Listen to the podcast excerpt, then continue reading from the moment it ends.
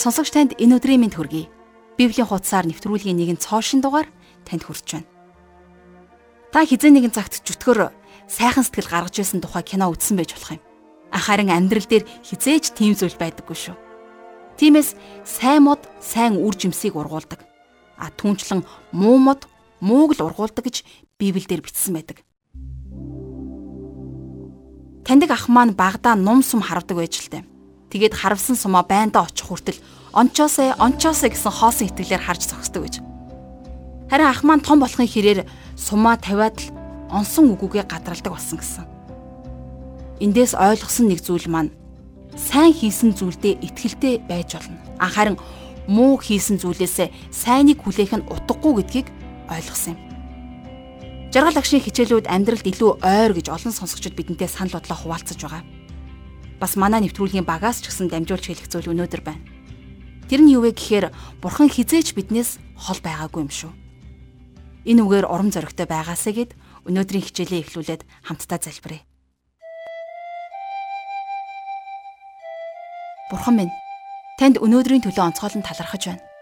Та бидэнд өөрийн үгийг өгч, та Библийн хуудасаар хичээлээр дамжуулж, та бидэнтэй ойр байгаа гэдгээ илчилж, харуулж байгаа учраас тань талархаж байна.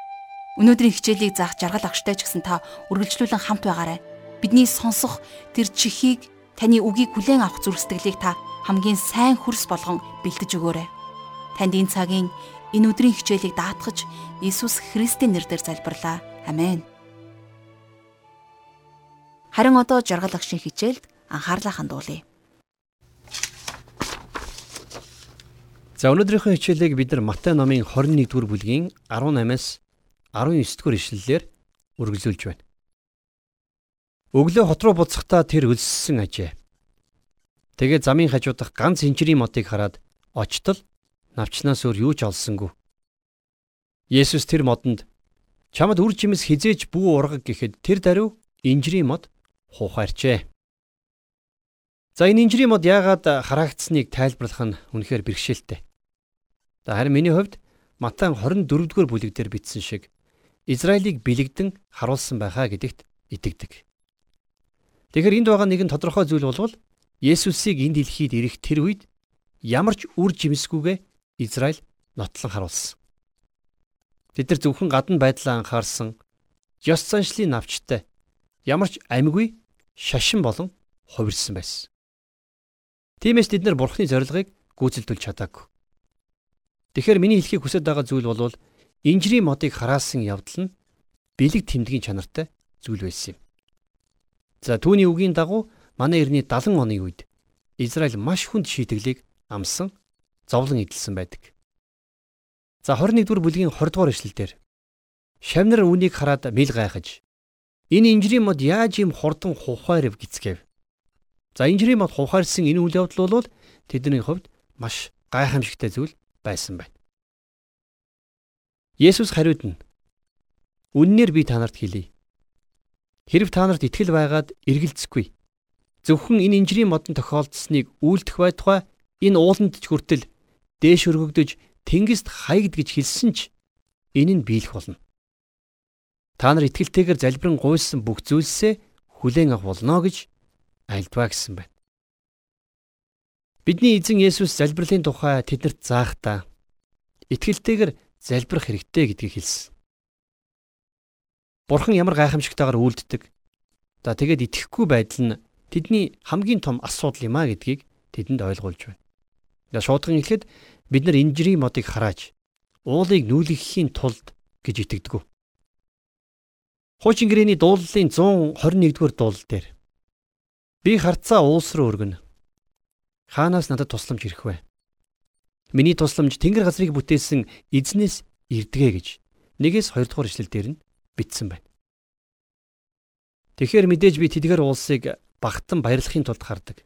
Харин тусламж хүссэн харж байгаагүй. А тэр битгийл тэднийг нүүлгэх тухай огтхонч бодож байгаагүй. Уулыг нүүлгэх инжирийн модыг харахаас илүү чухал хийх ёстой зүйл байгаа гэж би боддог. Энэ нь Христийн сайн мэдээг тунхлаж Бурхны үгийг хуваалцахад ариун сүнс үүгээр дамжуулан өөрийнхөө ажлыг хийдэг юм.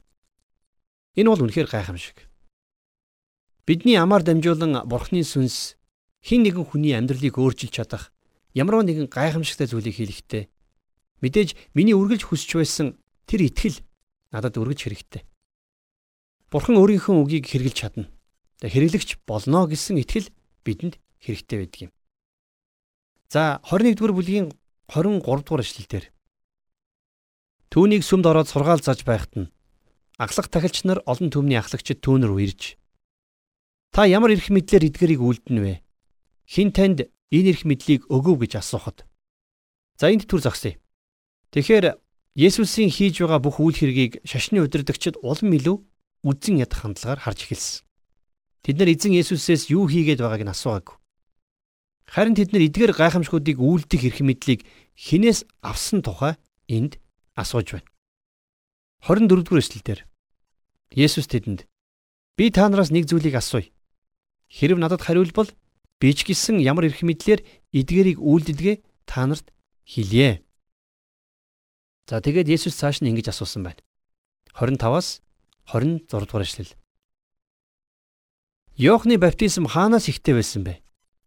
Тэнгэрээс үү эсвэл хүмүүсээс үү гэхэд тэд өөр хоорондоо хилэлцэж. Хэрэг бид Тэнгэрээс гिचхвэл тэр бидэнд тэгвэл та нар яагаад түүнд итгээгүй юм бэ гиндэ? Хэрэг хүмүүсээс гэвэл энэ хурсан олон түмнээс бид айж байна. Учир нь тэд бүгдээрээ Йоохныг иш үзүүлэгч гэж үздэг шүү дээ гэд. За энд шашны удирдагч нар Есүсийг гарцаагүй байдалд оруулахаар оролдож байгааг та харж байгаа бах. Харин Есүс тэднийг оронд натсан шалаанд оруулсан. Тэрээр хэрвээ та нар баптизм хүртэгч Йохан ямар эрх мэдлэр үлдэж байсныг хэлвэл би ямар эрх мэдлэр үлддэгэ хэлэх болно гэж хариулж байна.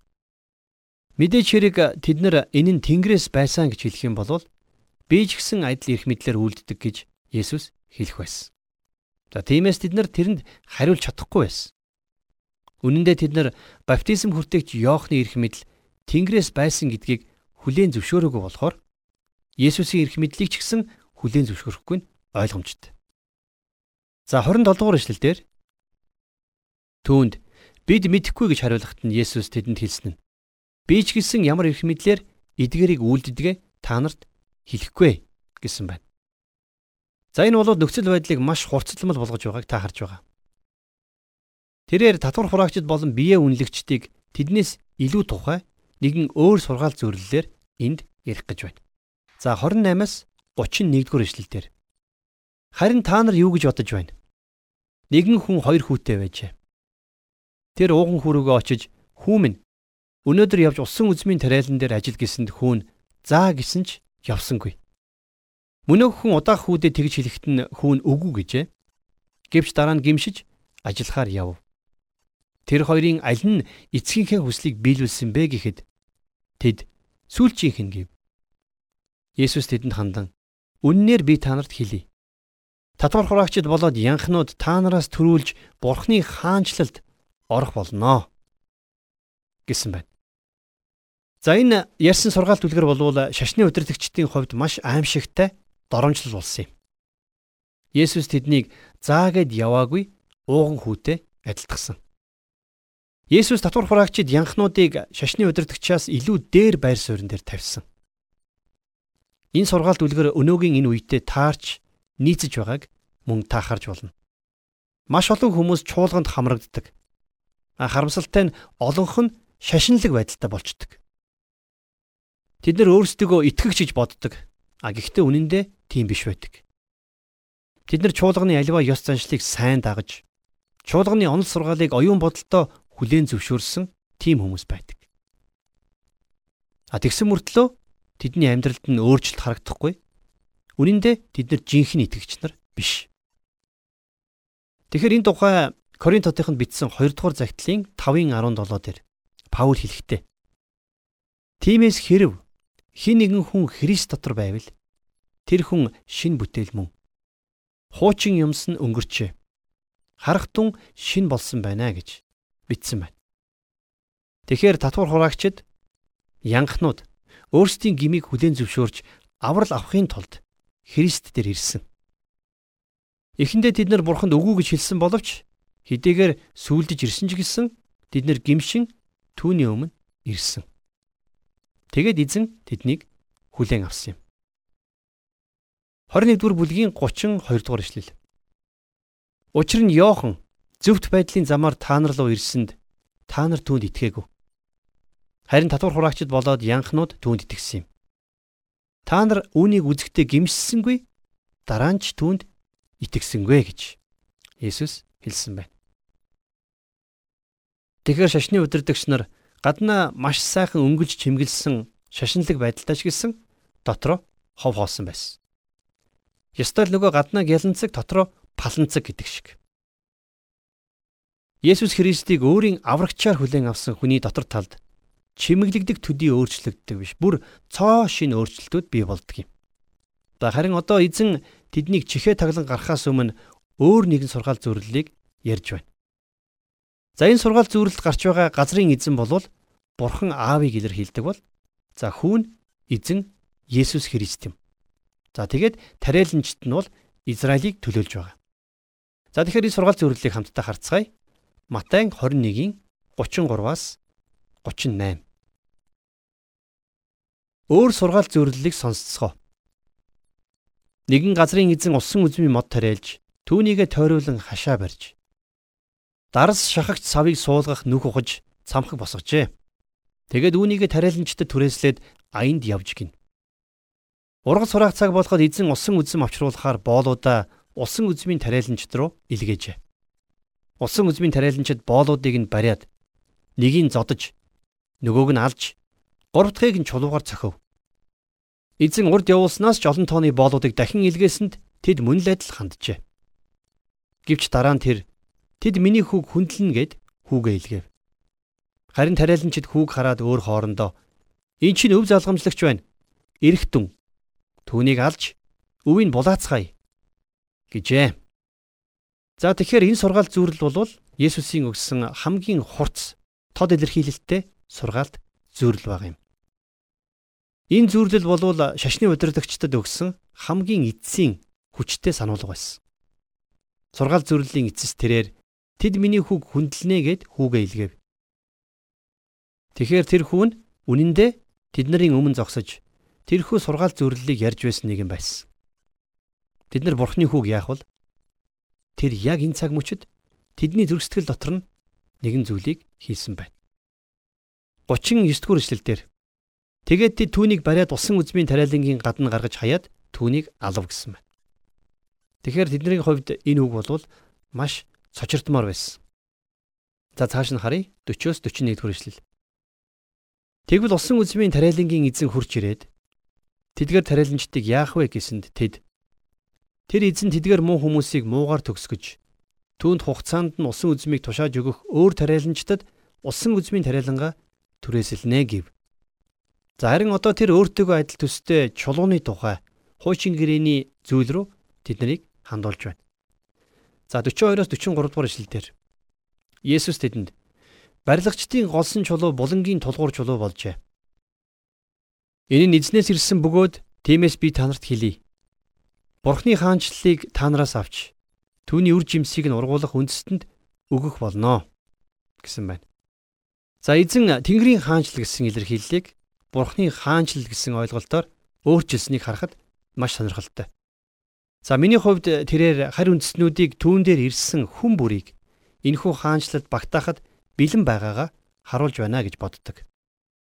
Бурхны хаанчлалыг та нараас авч түүний үр жимсийг ургуулах үндэстэнд өгөх болно гэсэн энэ үг нь еврейчүүдээс авч өнөөгийн чуулганд өгөх тухай ярьж байна.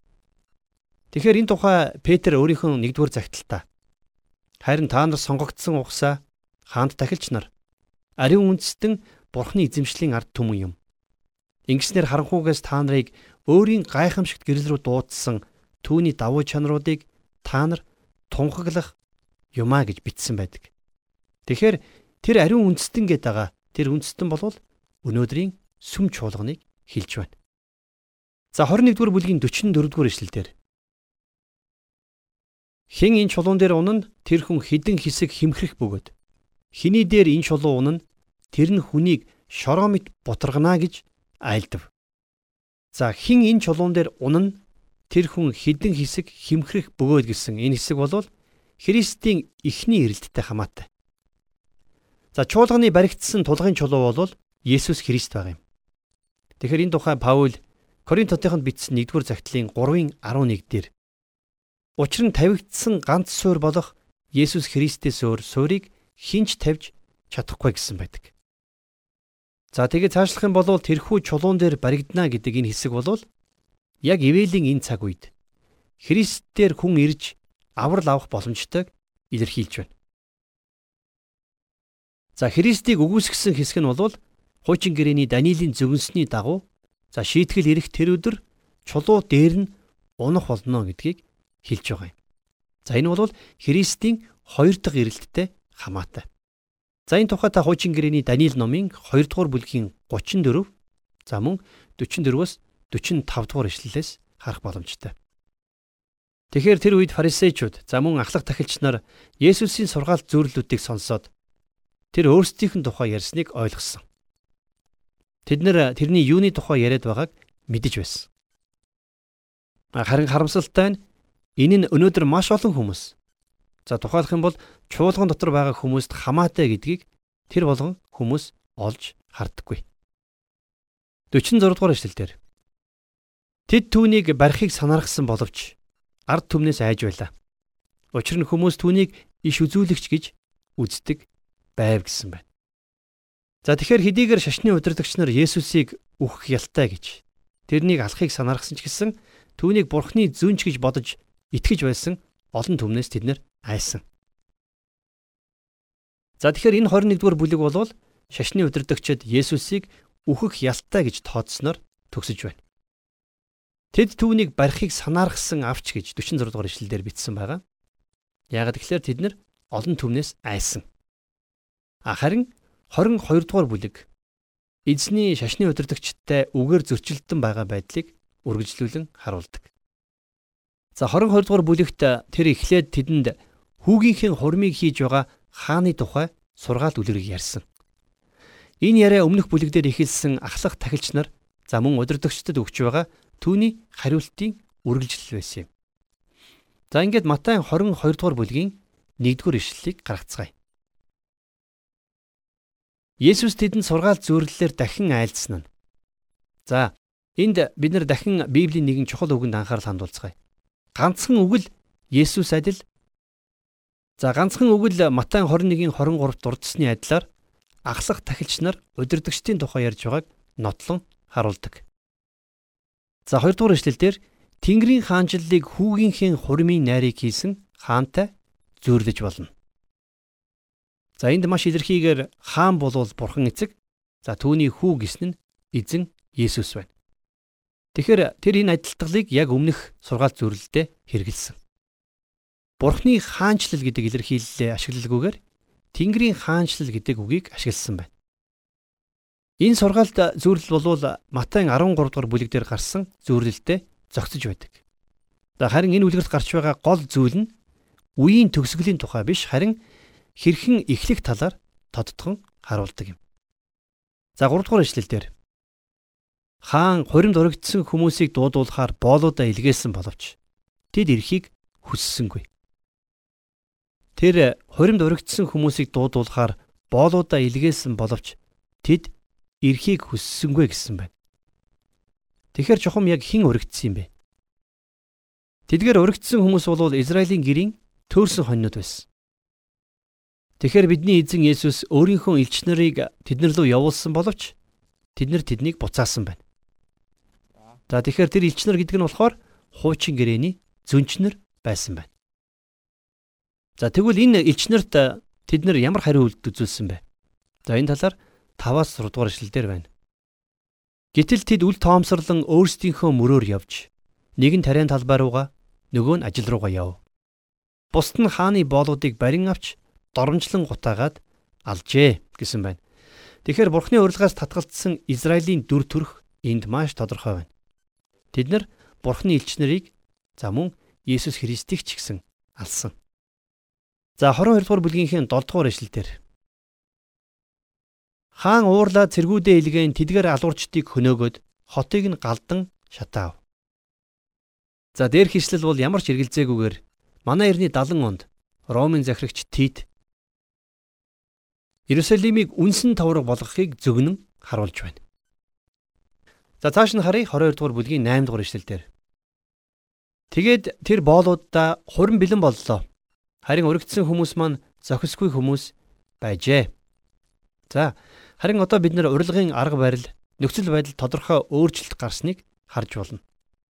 Тиймээс энэ нь өнөөгийн бидний амьдарч байгаа энэ цаг үеийг илэрхийлсэн. 9-оос 10 дугаар ишлэлдэр Тиймээс та нар гол гудамжаар явж тааралдсан болгоно хуримд морилон эрхийг өргөхэд тэдгээр болоод годамжинд гарч тааралдсан сайн муу хүмүүсийг бүгдийг цуглуулв. Хурмын танхим зоогийн зочдоор дүүрчээ. За цааш нь юу болсныг харцгаая 11 дугаар эшлэлдэр. Харин хаан зоогийн зочдыг харахаар орж ирээд хурмын хувцс өмсөөгүй нэгэн хүнийг хараад. За тэгэхээр энэ гарч байгаа хурмын хувцсаар яг юуг илэрхийлж байна вэ? Хааны урилга. Харамсалтай нь хааны урилгыг аваагүй хүн бүрт ирэх аюул байгааг харж байна. Хурмын хувцс бол Христэд итгэсэн бүхэнд өгөгдсөн зөвтгөл юм. Тэгэхээр Илч Паул энэ зөвтгөлийн тухай Ром хотынд бичсэн загталтаа хэлэхдээ харин идүгэ бурхны зөв нь хуулиас ангид илэрхийлэгдэв. Үүнийг хууль иш үзүүлэгчд гэрчилсэн юм. Есүс Христэд итгэх итгэлээр бурхны зөв нь итгэгч бүх хүнд байна. Ялгарлал байхгүй гэж 3 дугаар бүлгийн 21-ээс 22 дугаар ишлэлдэр байдаг. Тиймээс бүгд хурмын хувцастай байх ёстой. 12 дугаар ишлэлдэр Түүнд анд минь чи хурмын хувцсгүйгээр хэрхэн энд орж ирэв гэхэд тэр үг дуугүй байв. Тэгэхээр тэр хурмын хувцсгүй нөхөрт хэлэх хариулт байсангүй. Би Христийг хүлээн авах шаардлагагүй гэж зарим хүмүүс хэлхийг би олонтаа сонсч байсан. Тэд нар өөрсдийнхөө хүслээр Бурхны өмнө очиж өөрсдөө энийг хийж чадна гэдгээ түүний өмнө баталж чадна гэж боддог. Эзний өмнө хурмын өмсгөлгүй энэ хүн дуугүй байлаа гэж Библи маш тодорхой бичсэн байна. За 22 дугаар бүлгийн 13-аас 14 дугаар ишлэл. Тэгтэл хаан зарснартаа түүний гар хөлийг хүлээд гаднах харанхуйд хай. Тэнд тэр уйлж шүдэ хаврах болно гэж хэлжээ. Учир нь дуудагдсан нь олон ч сонгогдсон нь цөөхөн гэж ярив гэсэн байна. Тэгэхээр Есүс Христ танд хурмын хувцсыг аль хэдийн өгсөн урилгыг хүн болгонд өгсөн. Харин хааны тогтоосон цаг ирэх болно. Тэгэхээр энэ хэсгээс эхлээд Христийн дайснууд нь эцсийн дайралтаа хийх гэж байна. Эхлээд Херодийнхэн, дараа нь Садукейчуд, за тэгээд эцэст нь Фарисеичуд ирэх болно. Эзэн Фарисеичудаас асуулт асуухад тэд нар аль болох хурдан түүнээс зайлан зүхтахыг оролдох болно. За энэ үйл явдал тэдний хоорондох эцсийн хагарлыг тэмдэглэж За тэгээд 23 дугаар бүлгээс Есүс тэднийг буруутгаж байгаагаас харж болно. Хэрүүдийнхэн Цэсар төлөх татврынхын талаар түүнээс сорин асуудаг. Харин Садукейчуд дахин амилтын тухай асуусан бол Фарисеучуд хуулийн хамгийн агуу тушаалын тухай асуух болно. Тэдгэр хүмүүст Есүс ямар гайхалтайгаар хариулахыг бүгдээрээ дараачийн хичээлээс үзэх болно. Түүний бурханлаг чанарыг баталж миний харсан нэг зүйл бол тэр өөрийнхөө дайснуудтай хэрхэн харилцаж байгаа явдал байсан юм.